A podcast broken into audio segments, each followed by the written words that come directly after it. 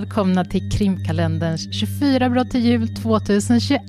Välkomna! Jag heter Jenny. Och jag heter Sofia. Och nu är det dags igen. Det här är vår tredje säsong av vår julkalender. Ja, det är helt sjukt. Ja, eller hur? Det betyder 24 avsnitt i december, från den första ända fram till julafton. Jag är lite, alltså jag har varit, det vet ju inte ni om ni som lyssnar, men det vet ju du Jenny, jag har ju varit ganska stressad den här hösten. Ja. Och jag har verkligen varit så här, kommer jag orka? ja.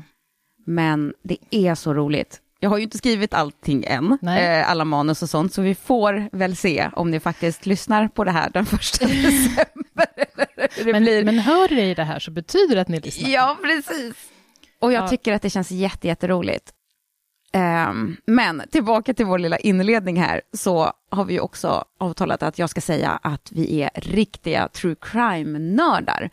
Och därför så kommer ni märka att våra avsnitt, det är liksom djupdyk ner i varje fall. Mm. Och vi har ett Instagramkonto som ni jättegärna får följa, för där lägger vi ut bilder till varje fall. Och kontot heter, som ni förhoppningsvis redan vet, Krimkalendern. Jajamän. Och innan jag går in på nästa grej här så vill jag bara säga att den här fantastiska vignetten som ni har hört, den har min storebror gjort. Och idag, första december, så fyller han år. Så jag vill hälsa honom grattis. Och han är världens bästa storebror. Ja, Inte bara bäst på att göra musik. Nej. Grattis Simon! Grattis!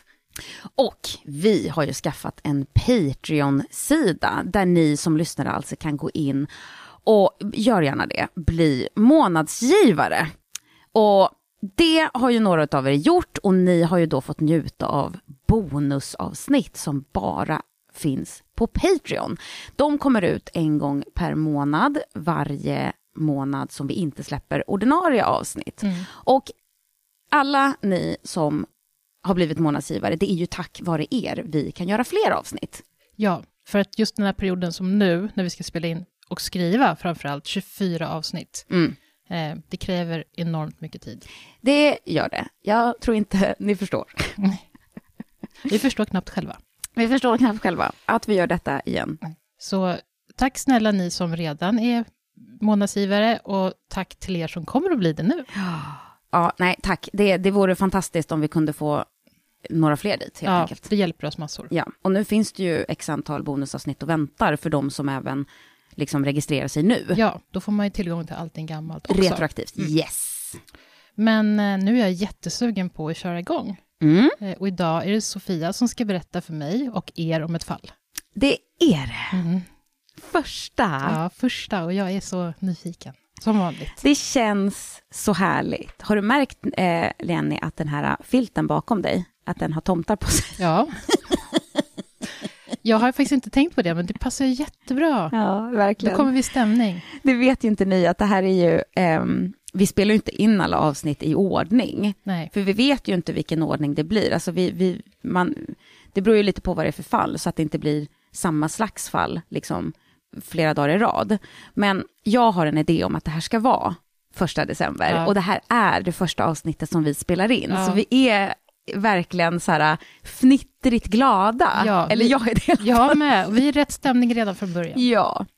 Och nu blev det ju lite mer snackispodd här än vad vi brukar ha. Men ja, vi unnade er det, det här första december. Ja, Men nu kör jag. nu kör du. Nu blir det mindre snack och mera fall. Mm. Jag har börjat med en fråga. Ja. Har du hört uttrycket pengar växer inte på träd? Jajamensan. Mm. Och det, med det försöker man väl säga typ att pengar är någonting man måste tjäna och förtjäna kanske. Det växer liksom inte bara lätt i trädgården som frukt på ett träd som lägligt faller ner på marken så fort de har mognat till en tillfredsställande valuta. Trots att det kanske vore ganska trevligt. Eller kanske inte att det växer på träd, speciellt med tanke på att jag bor i lägenhet och inte har något träd. Eller någon trädgård för den delen. Men att man typ skulle kunna ha en skrivare och bara printa ut nya sedlar. Oj, vad jag inte hade haft några som helst problem att typ bara pyssla med krimkalendern, Nej. om det var så. Men tyvärr så måste jag ju jobba. Ja, vi måste det. Och tyvärr så är ju processen att skriva ut eller skapa legitima pengar en väldigt detaljerad och svår process. Men minns du Viktor Lustig? Ja, Som hade jag. ju sålt den här pengamaskinen. Just det. Det är han med Eiffeltornet, eller hur? Ja, ja. han som sålde Eiffeltornet. Ja. Har ni inte lyssnat på den så lyssna på den. Ja. Från 24 brott och djur 2020. Jag minns inte vilket datum, men avsnittet heter En amerikan i Paris, va? Just det. Mm.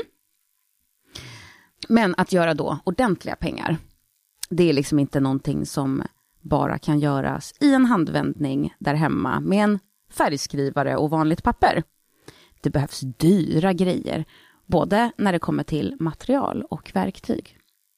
Och även om någon skulle lyckas med att skapa falska pengar så finns det en mängd olika mekanismer för att upptäcka precis sådana. Vilket gör det till en utmaning att komma undan med att använda dem. I USA är det faktiskt så att eh, spåra förfalskade pengar är ett av de allra främsta målen för Secret Service. Är det så? Är det så vanligt alltså? Mhm. Och det är alltså en amerikansk federal polisorganisation med ansvar för presidentens och vicepresidentens livvaktsskydd. Men när organisationen inrättades så tidigt som 1865 gjordes det med syftet att bekämpa förfalskning av amerikansk valuta. Hade jag ingen aning om. Nej. Så, nu fick du lära dig Mm. någonting nytt även idag. Om vi kikar lite på Sverige, och det var jag tvungen att göra för att jag är ju uppvuxen i Botkyrka. Mm. Och varför det är viktigt kommer vi till snart. I Sverige så är det Riksbanken som tillverkar alla sedlar och mynt. Och det är också de som bestämmer hur sedlarna ska se ut och vems porträtt som ska avbildas på en sedel. Från början så fanns det bara text, siffror och några dekorationer på sedlarna. 1890 avbildades den första historiska personen, Gustav Vasa, på en sedel. Alla svenska sedlar tillverkas på Tumba bruk i Botkyrka utanför Stockholm. Det visste jag inte heller. Precis intill där jag liksom gick i mellan och högstadiet. Jaha.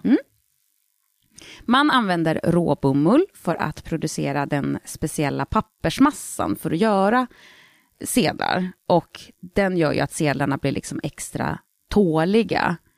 Tåligare än om det hade varit gjort av vanligt kontorspapper. Mm. Det finns flera säkerhetsdetaljer som ska göra sedlarna extra svåra att förfalska. Vattenstämpeln är en del av sedeln där pappret liksom är tunnare och bildar mönstret av en bild.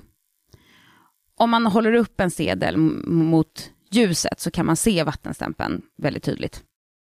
Sen har vi ju då säkerhetstråden som löper rakt igenom sedeln och syns som liksom en mörk linje om man håller upp den mot ljuset. På 100, 500, 50 och 1000 kronors sedlarna finns en, ett folieband med hologrameffekt där man kan se valören plus tre kronor, en ros eller ett skepp. Det finns också ett streck någonstans som egentligen är en rad med mycket, mycket liten text som bara går att läsa med mikroskop. Särskilda invävda fibrer och trådar gör också att sedeln extra svår att kopiera. Det mesta i själva liksom tryckmetoden är topphemligt. Alla sedlar kostar i material och arbetstid ungefär en krona. Mm. Runt om i världen så använder man olika pappersblandningar till sina sedlar, utom i Australien där man har sedlar i plast. Har man? Jo. har jag hittat på internet. Ehm, och det är inte ovanligt med pengaförfalskning i Sverige. Man upptäcker ungefär 3 miljoner falska sedlar i Sverige varje år. Är det tre miljoner? Det är jättemycket. Mm. Alla falska sedlar ska lämnas in till polisen och om man märker något konstigt med en sedel så kan man få hjälp på banken att kolla om den är äkta. Döms man för sedelförfalskning i Sverige så hamnar man i fängelse. Förr så kunde man bli avrättad eller få händerna avhuggna. Mm. Men när det då kommer till hur allt det här funkar i USA, där dagens historia utspelar sig, så tänker jag skänka dig en liten grundläggande förståelse för hur sedelproduktion fungerar här. Mm. Mm. Det amerikanska finansdepartementet säger, citat, Produktionen av amerikansk valuta är inte en lätt eller enkel uppgift utan en som involverar högt utbildade och skickliga hantverkare, specialutrustning och en kombination av traditionella gammeldagsa trycktekniker som sammanvävs med sofistikerad, banbrytande teknologi. Det finns många distinkta steg som krävs i produktionsprocessen. Slutcitat. Processen börjar när designen för en viss valuta har beslutats. Gravörer graverar en väv av fina linjer och spår i stålformar och förvandlar designens modeller till tredimensionella gravyrer. I siderografi, tror jag att det heter, Mm. tydligen så heter det så på svenska, men jag har aldrig, Aldrig hört det. ingen koll, men jag tror att det uttalas så. I siderografi kombineras de separata graverade elementen som typ porträtt Mm. på en och ramar på en annan och så emblem och text och sånt. Så de förs samman som pusselbitar för att bilda liksom hela designen av en sedel med hjälp av en överföringspress. Maskinen pressar upp till 4 ton per kvadrattum. Därefter överförs bilderna till en tryckplatta där serienummer och andra identifierande detaljer läggs till. Tryckplattorna måste vara otroligt exakta med en felmarginal på bara tre tiotusendelar av en tum. Och jag har inte räknat ut vad det är i centimeter, men det säger ändå att det är ganska litet. Hur mycket en? Det är typ två centimeter eller något sånt. Ja, det är det väl. Ja, så bara tre tiotusendelar av en tum, vilket är en tiondel av tjockleken på ett hårstrå. Mm. Så det säger ju lite, då, Ja. trots att man kanske inte har jättekoll på hur lång en tum är. Och det är alltså innan man ens lägger det på papper. Mm. Det amerikanska finansdepartementet säger också, citat, det vanliga pappret som gemene man använder under hela sitt dagliga liv, det man hittar i till exempel tidningar, böcker, pappkartonger och så vidare, är främst tillverkat av trämassa. USAs valutapapper består dock av 75% bomull och 25% linne. Och det är det som ger USAs sedlar sitt unika utseende och känsla. Så att det är bara tygfibrer och inget träfiber. Nej. Mm. Och i Sverige så var det ju råbomull. Mm. Det är därför det går att tvätta sedlar utan att de far alldeles för illa, tänker Ja. jag. Det hade ju inte funkat om det var papper. Nej. Ja, för valörerna på 5 dollar och högre är en säkerhetstråd och vattenmärket i form av siffror eller ett porträtt redan inbyggda i pappret från början. För 100 dollars sedeln vävs ett 6 mm brett 3D-säkerhetsband in i pappret. Om man lutar sedeln lite fram och tillbaka medan man fokuserar på det blå bandet så ser man tydligt att klockorna ändras till siffror, till siffrorna 100, när den rör sig. Och om man istället liksom lutar sedeln upp och ner istället, fram och tillbaka, så skiftar bilden tydligen på ett annat sätt. Mm. Så det gör i alla fall en mycket, mycket avancerad, liksom, det ger en väldigt hög säkerhetsnivå Ja. helt enkelt. Blir inte du också sugen på att titta på en? Mm, lite. Ja. Mm. Och alla sedlar, oavsett valör, har grönt bläck på baksidan. Ansikten, å andra sidan, har bläck i svarta nyanser. Och i nedre högra hörnet för valörerna 10 dollar och högre används metallisk bläck för frihetsikonerna. På en av dekorationerna på 100-dollarsedeln används ett färgskiftande bläck. Och de här olika bläcken är speciellt formulerade och blandade av BEP som är US Bureau of Engraving and Printing, på svenska ungefär byrån för gravyr och eh, utskrift. Och det är också BIP som går igenom den här processen väldigt grundligt och kontinuerligt och liksom gör massa kvalitetstestningar. Slutcitat. Och jag föll ner lite i ett kaninhål när jag liksom researchade den här delen. Mm. Och jag kommer hejda mig själv här och inte gå in på ännu fler detaljer. Eh, men nu har jag i alla fall berättat så pass mycket att man förstår att det är liksom inte bara är att springa in på närmaste butik med kontorsmaterial och köpa ett paket vanligt A4-papper, lite grönt bläck och skriva ut sedlar på sin HP-skrivare där hemma. Nej. Nej. Och som jag sa så inrättades alltså Secret Service så tidigt som 1865. Och då var detta faktiskt deras huvudsakliga fokus. Eftersom det då var någonstans mellan en tredjedel och hälften av alla pengar i omlopp som var förfalskade. Är det sant? Det är jättemycket. ja. Men tekniken har ju sedan dess alltså kommit långt baserat på allt jag just berättade. Och nu uppskattas det att det är 0,01 procent av pengarna i omlopp som är förfalskade i USA.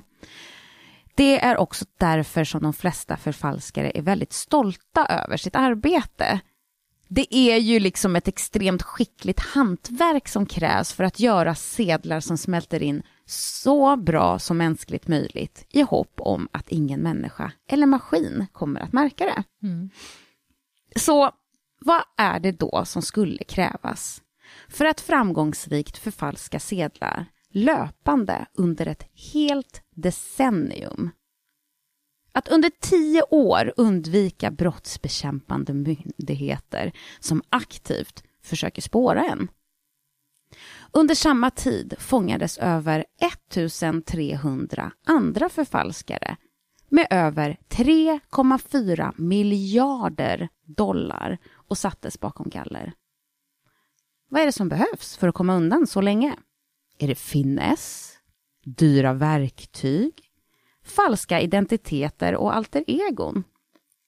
Den allra bästa trycktekniken som finns? Mm, nu är jag jättespänd på vad det här handlar om. jag ser det på dig. Ja, du förstår ju vad det handlar om. Jag förstår om. vad det handlar mm. om. Men, och när inföll de här tio åren? Mm, det kommer du veta Snart. nästa mening. Mm. För det är ju det här vi kommer prata om.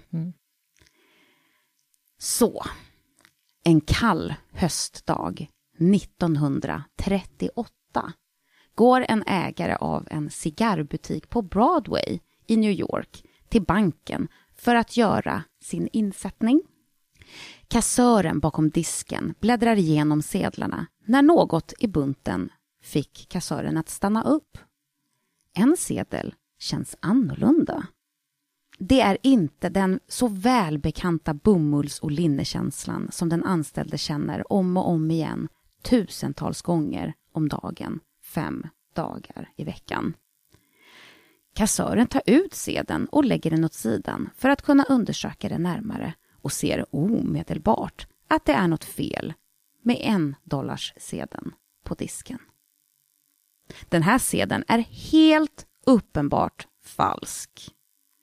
Även om den inte existerar vid den här tiden så behöver inte den här sedeln någon utrustning som till exempel en sån där UV-lampa mm. för att liksom dens falskhet ska upptäckas.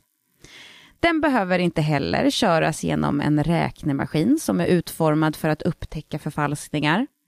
Det är faktiskt så pass uppenbart att det nästan är humoristiskt. Pappret verkar vara helt vanligt kontorspapper.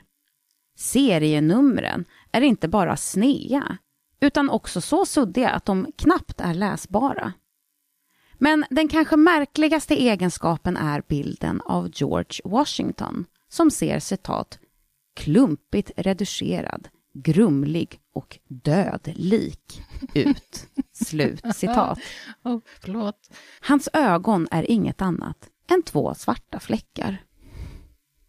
På frågan var han har fått sedeln ifrån så vet Sikar-butiksägaren inte det. Han har inte lagt märke till den och kan inte komma ihåg vem som kommit in i butiken med den eftersom det hade varit en väldigt hektisk dag. Eftersom ingen hade märkt när den togs emot kan det ha varit vem som helst som kom in i butiken under inte bara idag utan de senaste dagarna eftersom insättningar på banken endast görs två gånger i veckan. Mm. Som vanligt behandlas den uppenbart förfalskade sedeln genom systemet med alla detaljer som kunde samlas in och överlämnades till Secret Service som initialt trodde att det här måste vara någon som försöker spela dem ett spratt. Det är till och med så illa att de inte kan förstå att någon ens skulle vara villig att riskera fängelse för det. Dessutom, vem tar sig an att fejka en dollars sedlar? Dessutom. För det mesta så skapar förfalskare större valörer så att de liksom kan göra mindre arbete för mer vinst och ha färre sedlar som potentiellt kan upptäckas så att de kan spendera mer åt gången. För för varje gång de använder en falsk sedel innebär ju det en risk att åka fast. Så det är mer vanligt med förfalskade seglar av högre valör. I själva verket finns det inte ens någon mapp för förfalskade endollarsedlar. Det hade bara hänt en eller två gånger i hela historien för förfalskade sedlar. Men det här är ingen som försöker spela någon ett spratt. Detta blir uppenbart under nästa månad då ytterligare 40 av dessa röriga förfalskningar lämnas in. Var och en en endollarssedel.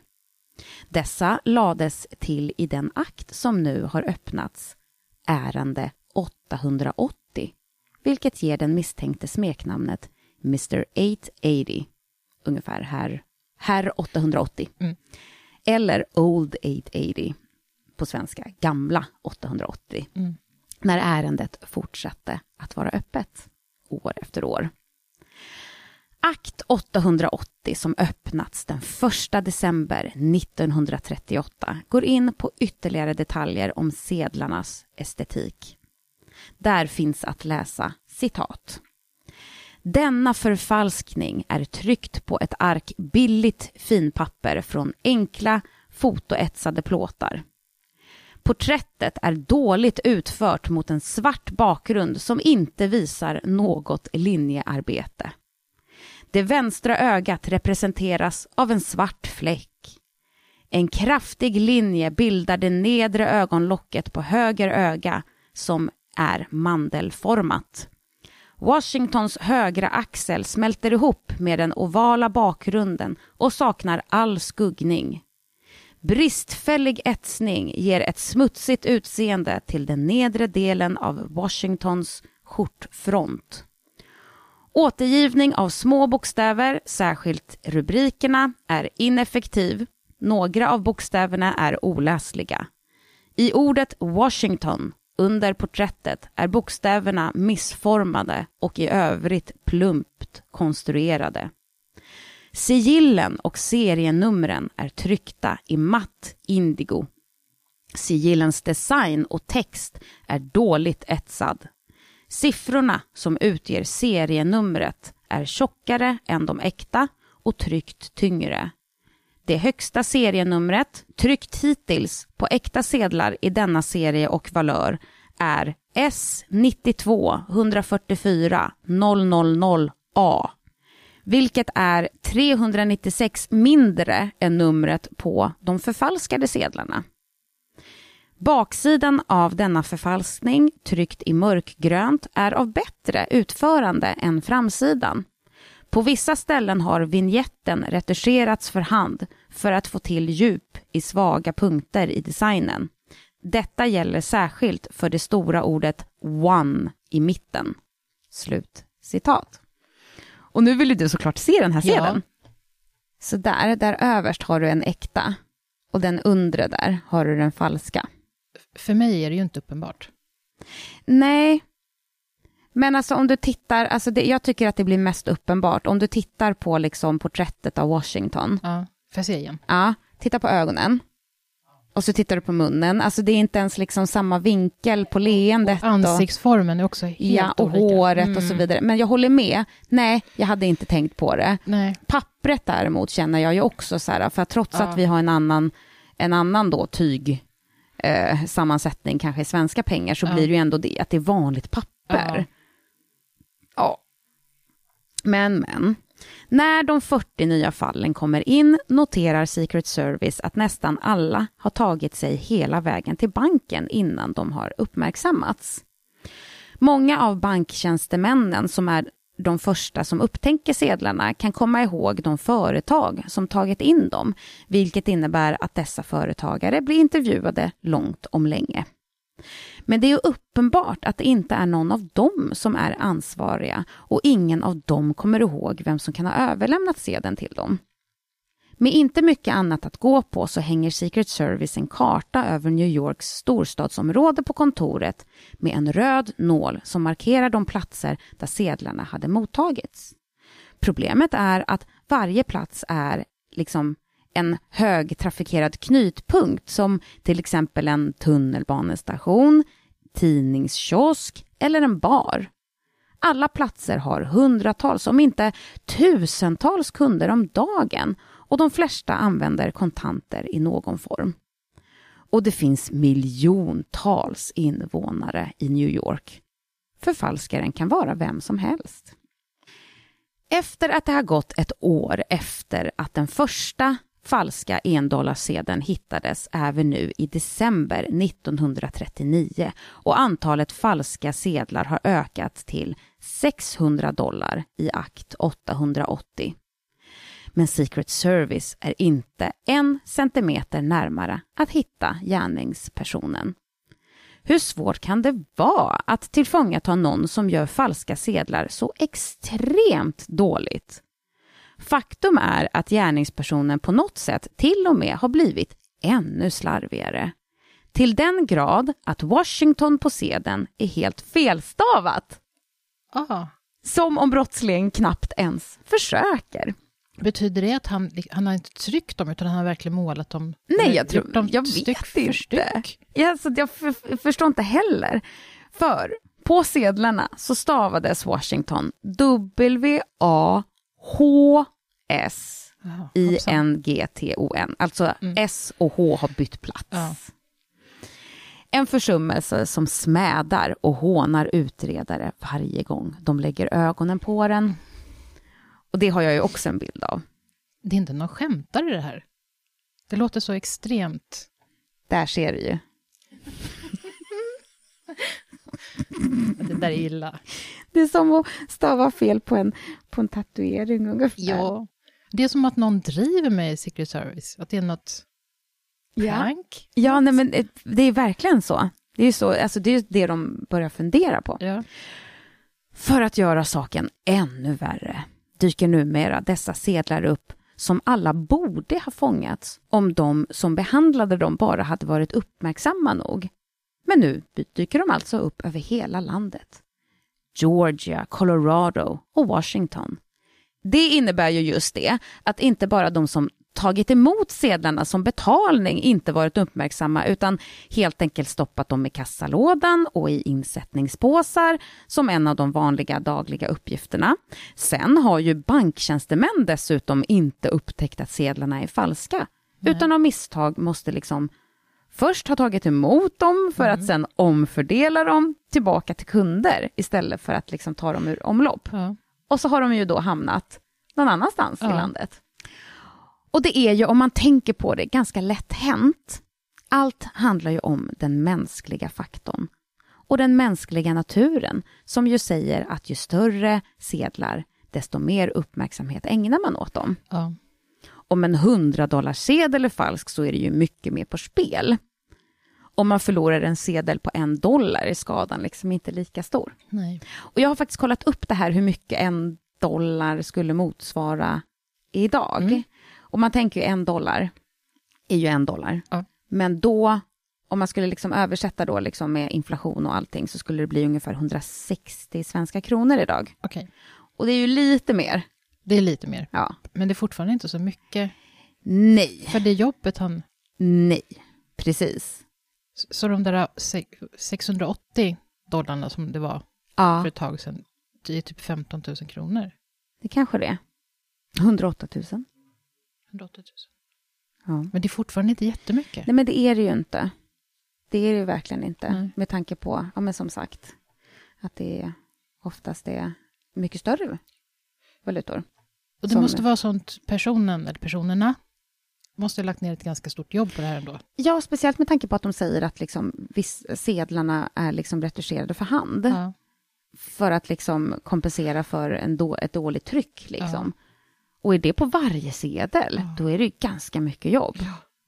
För bara en endollarsedel, som Mm. visserligen då är värd 160 svenska kronor. Men det räcker ju inte långt om man ska gå och handla mat. Nej, för det här kan jag tänka mig, det är väl en heltidssysselsättning, så personen eller personerna har väl inte säkert något annat jobb, utan det här är det de gör. Ja, man får ju anta det nästan. Och då måste de ju gå runt. Ja. Men, ja. Nej, det är så Och det är spännande. Mm. ja, det vi pratade om var ju det här med en dollars och 100 dollars sedlar. Att, Mm. att man kanske lägger mer uppmärksamhet på 100 dollars sedlar. Och det kan ju vara en del av den här gärningspersonens liksom, eh, tanke Ja, bakom det hela. Och bara anta att de som hanterar just endollarsedlar räknar de sedlarna lite snabbare. mm. För att bekämpa det här så delar Secret Service regelbundet ut flygblad till lokala banker som varnar dem och uppmuntrar dem att vara på utkik efter just de här sedlarna. Men det ger inget resultat. Men det är något annat med Mr 880 som förvirrar utredarna. 600 dollar på ett år. Det är ju inte direkt en förmögenhet som den här personen kommer över. Han eller hon tjänar inte ens i genomsnitt 2 dollar per dag i falska pengar. Återigen visar historien att de flesta som är villiga att skapa falska pengar kommer att satsa stort för att få ut det mesta av sina brott. Det är mycket vanligare för de här gärningspersonerna att blanda in stora sedlar vid stora inköp och komma ut i andra änden med dyra varor. Varför är det här annorlunda? Har de missat något? Är endollarsedlarna bara en distraktion från något värre och större? Detta ger utredarna en annan vinkel att utforska. De har sett sin beskärda del av schabbiga typer som skapar förfalskningar och många av dem opererar i kriminella gäng, en elitklubb av förfalskare av olika slag. Lyckligtvis är många av dem redan bakom galler, så polisen vet precis var de ska hitta dem i alla fall. Mindre lyckligtvis när myndigheterna kommer på besök för att få hjälp i sin utredning, så skrattar de flesta av dem när de ser Mr 880s sedlar och försäkrar polisen att ingen som de kände skulle våga göra något så förolämpande dåligt. De försäkrar dem om att nej, det här handlar inte om en slug och skicklig kriminell som använder endollarsedlarna för att distrahera från mycket mer välgjorda, större sedlar. Nej, det här är helt enkelt tal om en nybörjare som inte riktigt vet vad han eller hon håller på med. Fem år senare, och året är 1944. Den nu rejält tillväxta akten är nu på 2480 slarviga endollarsedlar och omfattningen är fortfarande i genomsnitt mindre än två om dagen. Mr 880 fortsätter att håna dem som arbetar med fallet. Under de senaste åren hade utredarna fortsatt att dela ut flygblad som beskriver Mr 880s arbete till banker och företag som verkar i det område som nu tydligt trätt fram på kartan med röda nålhuvuden i Secret Service kontor. De gav också tips om hur man upptäcker de här förfalskningarna, vilket man skulle kunna tro var en självklarhet. Men tyvärr så fortgår problemet. Företagare får också ytterligare instruktioner om vad de ska göra om en av dessa sedlar dyker upp. Specifikt om vad man ska säga och vad man inte ska säga. Vad man ska fråga och inte fråga. vem man ska ringa och när. Instruktionerna är noggrant planerade för att inte skrämma bort förfalskaren om det skulle vara han eller hon som faktiskt dyker upp och försöker betala med en sedel i egen hög person.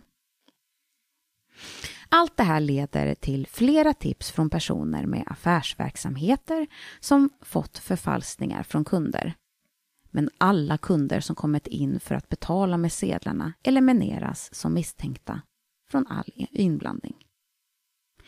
Dessutom sänds de här beskrivningarna och instruktioner även ut via radio och når därmed ut till en ännu större publik vilket gör brottsbekämpande myndigheter säkrare än någonsin att de är på gränsen till ett genombrott.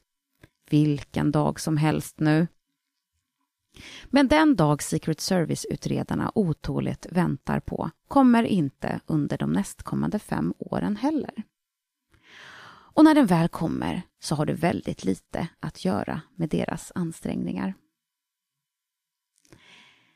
Det är en mycket kall dag i januari 1948.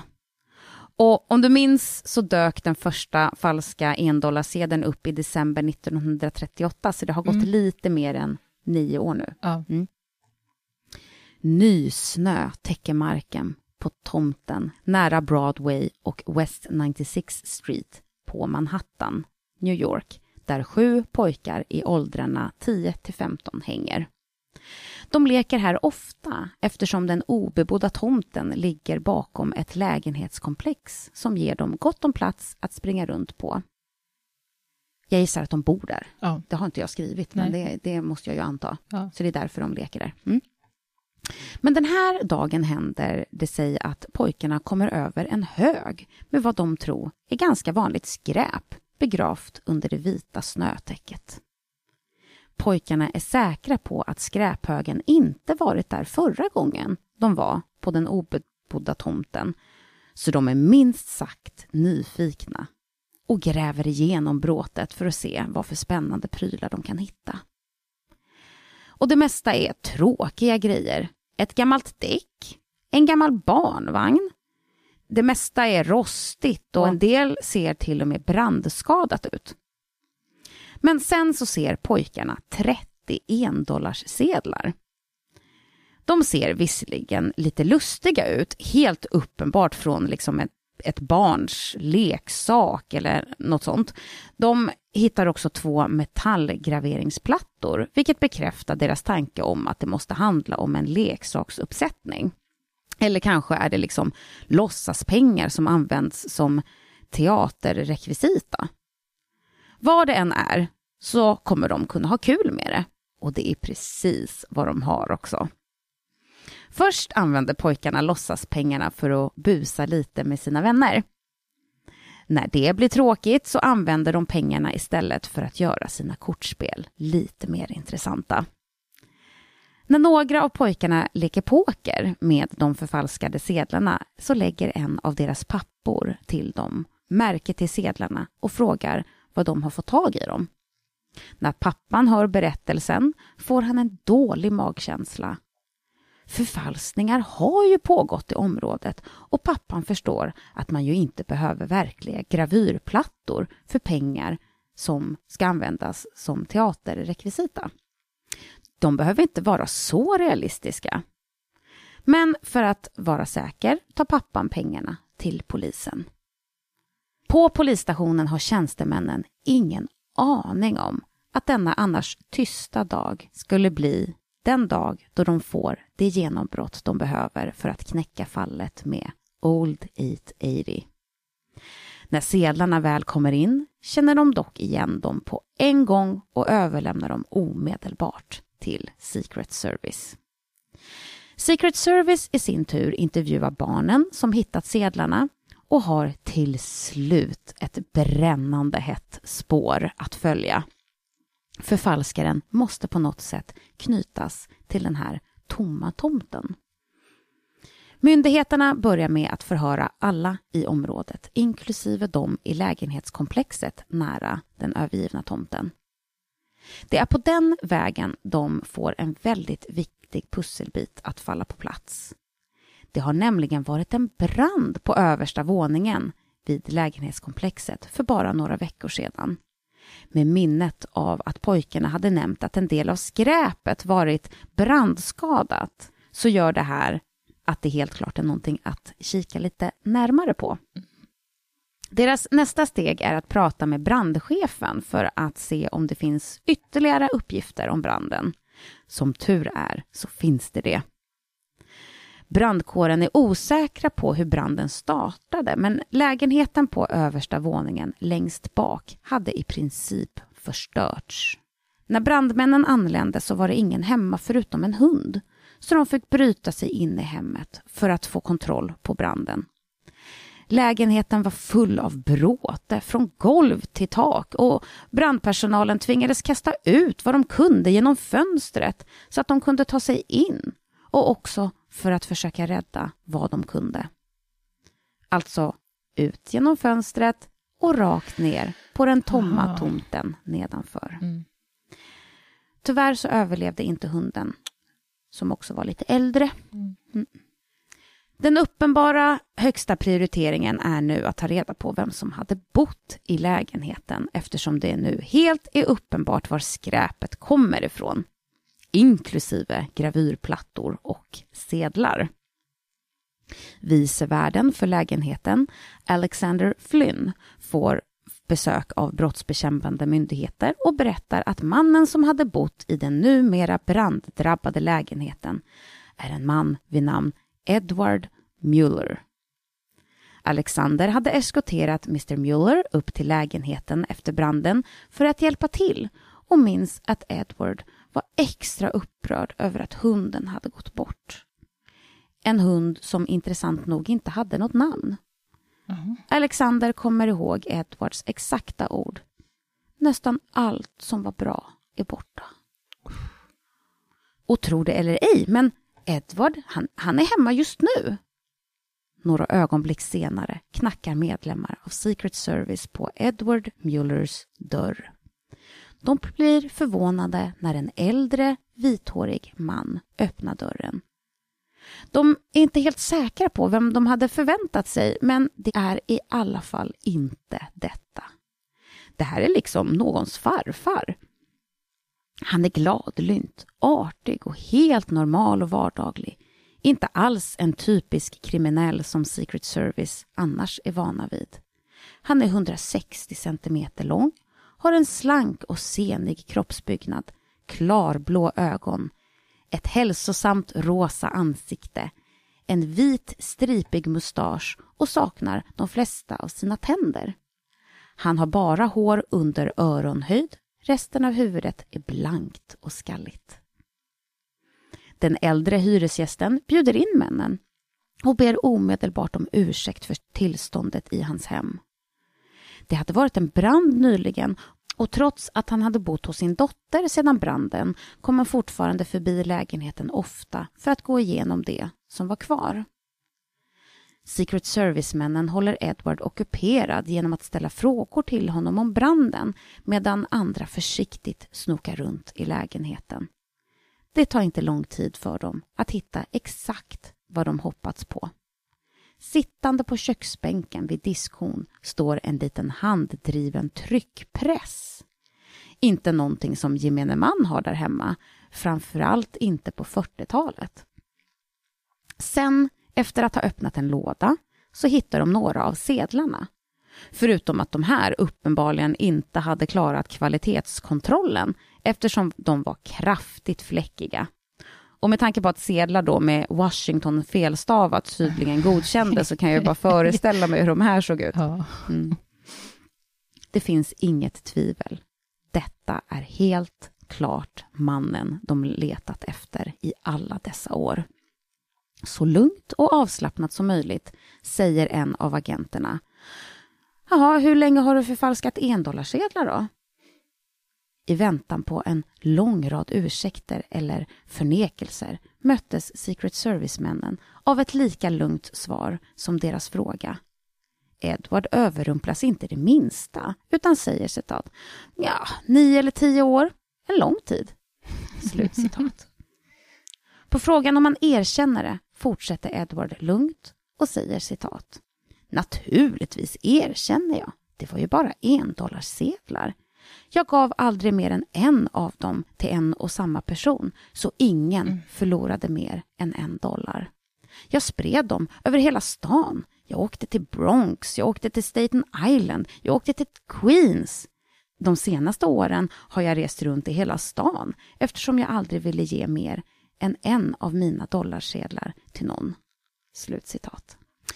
Han fortsätter på att insistera att han är den enda inblandade i hela operationen och att han inte hade haft någon som helst hjälp. Han hade tagit en bild av en riktig sedel för något år sedan och använde den för att skapa sina egna plattor och så la han till andra detaljer för hand. Edward Mueller omhändertas och sätts i arresten där han fortsätter att prata om sitt inom citationstecken hantverk. Men vem är då denne Edward Mueller? Vem är den här mannen som undvek myndigheterna i nästan ett helt decennium? Mr 880, som han hade blivit känd som, är inget annat än en enkel man som hamnade i svåra tider. Född som Emmerich Jutter emigrerade Mr 880 till USA med sin familj 1890 han var den äldsta av fyra barn. Han blev i USA en familjeman med en fru och två barn, en pojke och en flicka. Edward arbetade som vicevärd vid ett lägenhetskomplex. Innan det hade han varit lite av en uppfinnare som hade skapat en ny typ av kamera samt en ny typ av persienner. Tyvärr blev ingen av dem uppsnappade av företagen som han presenterade dem för, vilket alltså ledde till att han hamnade som vicevärd för lägenheterna. År 1937 gick fru Mueller bort. Vid den här tiden var barnen äldre och utflyttade och levde själva. Det var bara Edward och hans hund utan namn som flyttade in i lägenheten högst upp i komplexet som senare brann. Varför gav han inte hunden något namn? fick han ofta höra. Ja, men hunden behöver inget namn, sa Edward. Vad skulle ett namn göra hunden? När jag pratar med honom så vet han ju att jag pratar med honom, eller hur? Och jag vet vem han är utan att kalla honom vid något påhittat namn, eller hur? Slutcitat. Vid 63 års ålder så hade Edward svårt att hantera en byggnad på egen hand, så han slutade som vicevärd och startade ett skräpförsäljningsföretag, mm. har jag översatt det som. Mm. Um, och jag, det är alltså något slags återbruk eller second hand, för det han gör är att han strövade längs gatorna och tömde dem på liksom allt slags bråte som han kunde komma över, slängde det i sin vagn och sen så reparerade han det eller målade eller bara rengjorde det och fick det att se så bra ut som möjligt så att han kunde sälja det vidare. Och därav skicket då på hans lägenhet när brandmännen mm. kom, att det var så mycket vad de kallar bråte ja. som de sen slängde ut genom, genom fönstret. Det var ju ett däck och någon ja. barnvagn och vad det nu var. Mm. Så han samlar skräp och försöker få det att bli till någonting som han kan sälja. Mm. mm. Men i november 1938 så insåg änklingen att hans verksamhet inte var nog för att betala alla räkningar. Det var då de falska sedlarna fick sin början. Som barn i Österrike hade han blivit bekant med grundläggande gravyrtekniker och använde nu dessa färdigheter för att förfalska pengar. Men självklart gav sig Edward aldrig in i det här för att tjäna några stora pengar. Han ville bara kunna leva åtminstone överleva. Han arbetade fortfarande med sin skräpverksamhet så gott han kunde. Men när han behövde en eller två extra slantar så löste han problemet just där i sitt eget kök. Jag vill att du ska säga att Edward inte hamnar i fängelse. Kan du göra det? Ja, vi får väl se. Han anlitade aldrig någon för att göra någonting för honom och han levde inte överdådigt. Han fick det bara att precis hänga ihop. Så det är alltså han. Det här är förfalskaren som lyckats glida förbi brottsbekämpande myndigheter i nästan tio år och kom undan med att betala sedlar så dåligt förfalskade att de borde ha fått honom fångad inom bara några få ögonblick.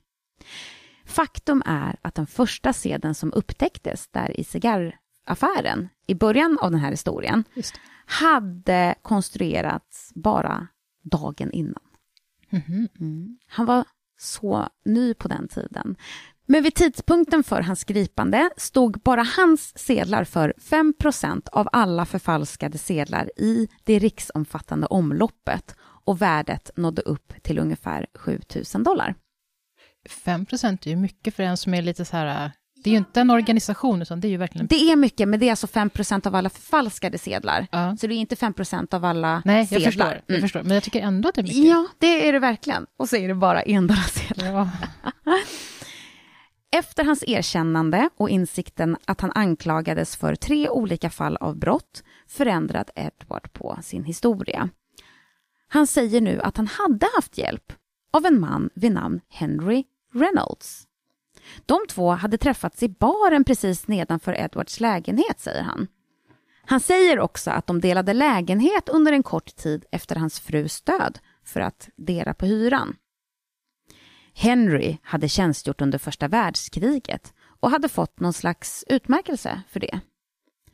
Trots att utredarna inget hellre vill än att tro att den här äldre lille mannen inte kunde ha gjort det här ensam så måste de dubbelkolla all fakta för att vara säkra. Tyvärr kan de inte styrka något av det. Lägenhetsägaren säger att han aldrig sett någon annan boendes med Edward. Bartendern i baren säger att han känner Edward men han har aldrig sett honom i sin bar. Och register visar att det inte finns någon krigshjälte vid namn Henry Reynolds som tjänstgjorde under första världskriget. Tyvärr måste alltså Edward bemöta de tre åtalen på egen hand. Åtalen består i tillverkning av förfalskade plattor, användande av förfalskade sedlar samt tillverkning av nämnda sedlar. Han erkänner sig skyldig till de två första men fortsätter att hävda att det inte var han som faktiskt hade tryckt dem, det var Henry. Så småningom släpps det åtalet eftersom staten tekniskt sett inte kan bevisa vem som har tillverkat sedlarna. De återstående åtalen kan var för sig innebära så mycket som tio års fängelse. Det var mycket. Mm. Nu, 73 år gammal, går Emmerich Jütter, även känd som Edward Miller, till rätten den 3 september 1948 vid US District Court i New York. Lyckligtvis för honom tjänar hans vänliga och ofarliga yttre honom väl, såväl som det faktum att i stort sett ingen har lidit någon skada att tala om som följd av hans brott. Hans försvarsadvokat använder Edwards höga ålder som argument och säger att det inte är någon idé att låsa in den här mannen under någon längre tid, speciellt inte med tanke på att allt han försökte göra är att få ekonomin att hålla ihop för ett drägligare leverne. Han har aldrig försökt leva i överflöd eller berika sig på någon annans bekostnad. Domaren John W. Clancy tycks tycka lite synd om Edward.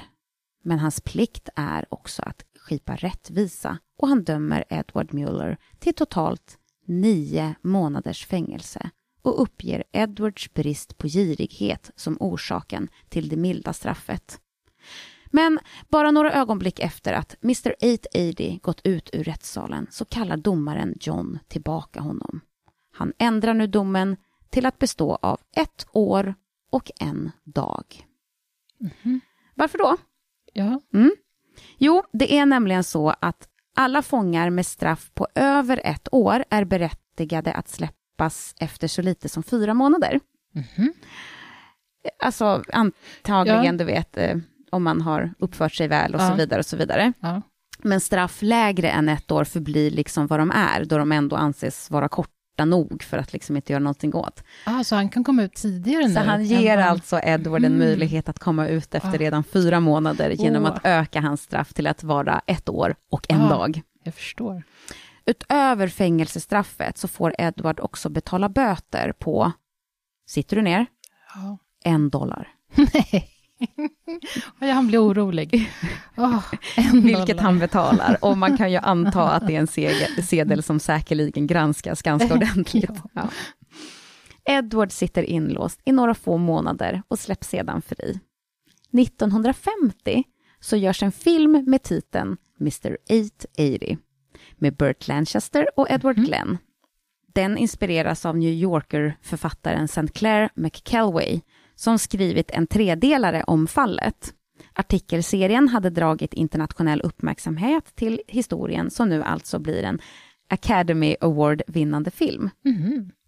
Ironiskt nog innebär filmen mer pengar för Edward än han någonsin tjänat på sina tio år långa karriär som sedelförfalskare. Efter fängelsevistelsen drar Edward sig tillbaka till ett lugnt och vardagligt liv utan kriminalitet i förorten Long Island. Här går Mr 880 bort vid 79 års ålder år 1955. Några år innan hans död fick Edward av en journalist från tidningen New York Daily News frågan om han någonsin skulle kunna tänka sig att gå tillbaka till sin pengaförfalskningsverksamhet. Nej, svarar han. Det fanns inte tillräckligt med pengar i den branschen. Nej, verkligen inte. Slut citat. Och slut på detta avsnitt. Åh, jag är så glad att det slutade lyckligt. Vet vi hur mycket pengar han fick? Vad fick han pengar ifrån filmen på något sätt? För någon rättighet? Det måste det ju ha någonting? varit, ja. Ja. Han kanske intervjuades också, antar jag, utav den här författaren. Ja, jag gissar det. På något vis så blev det ju så i alla fall. Ja. Och det vet jag inte om det hade hänt idag, för man får väl inte tjäna pengar på, På på sin brottslighet. Nej. Mm. Men det var Vil- det. Vilket fall. det är det var men man tycker att det är lite mysigt. Jag kan visa bild på Edward. Ja. Kort och senig, med en stripig mustasch och hår som inte växte högre än öronen. Var det så? Precis. Han ser ju jättesnäll ut. Gör lite det. Jag vet inte om det är för att jag vet att han är snäll. Där är han också. Han ser ju snäll ut Ja, faktiskt. och det här tror jag alltså är från då när det boomade och han blev, när han blev känd, Ja. liksom, eller vad man ska säga. Eh, där sitter han med sina plattor, gravyrplattor. Ja, en liten farbror. Mm. Och det här lägger vi såklart upp på, på Instagram, så gå in Ja. där och kika och där kommer jag också lägga upp bilderna på de här förfalskade sedlarna med Washington Mm. felstavat och så vidare. Här är det någon bild på Secret Service då, på deras kontor som sitter och pekar Ja. ut liksom. Ja. ja, det är väldigt roligt. Eh, så det var det, första december. Vad kul, nu är vi igång. Nu Med- är vi igång och jag har ett superfall. leende på, på Ja. läpparna för att jag tyckte att det här, det är ett lite mysigt fall, men Ja. också för att vi är igång. Och jag, ja det vet ju ni om ni lyssnar på det här, men jag hoppas verkligen att jag, att, att jag får tid till att liksom få till det här. Och vi får tid att köra 23 avsnitt till. Ja, precis. Ja, vi ska ju fortsätta idag, Ja, men jag har inte skrivit alla mina manus. Nej. Ja, tack snälla för att ni lyssnar. Jag hoppas att ni gillade det här avsnittet. Jag hoppas att eh, ni eh, går in på Instagram Mm, och skriv till oss. Mm. Vi svarar på allt. absolut. Gå in på Patreon. Mm. Och har ni inte möjlighet till det, ge oss fem stjärnor, en tumme upp Ja. eller, eller berätta om oss för en kompis Mm. som kanske också gillar true crime. Så att vi, ja, så att vi får bli lite större, för Mm. det, det, det hjälper oss. Allting hjälper. Allting hjälper. Tack snälla hörni. Så hörs vi igen imorgon. Det gör vi. Ha det bra. Hej då, hej då.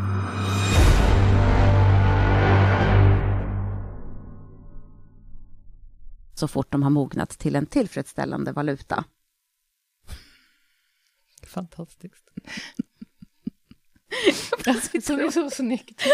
Du sitter och är så nöjd. Jag hade skrivit tillfredsställande valör, men valuta, kanske är Valuta bättre. är Det är så vackert. Ibland kommer så uttryck som man bara mår så bra utav. Oh my god, jag är en poet.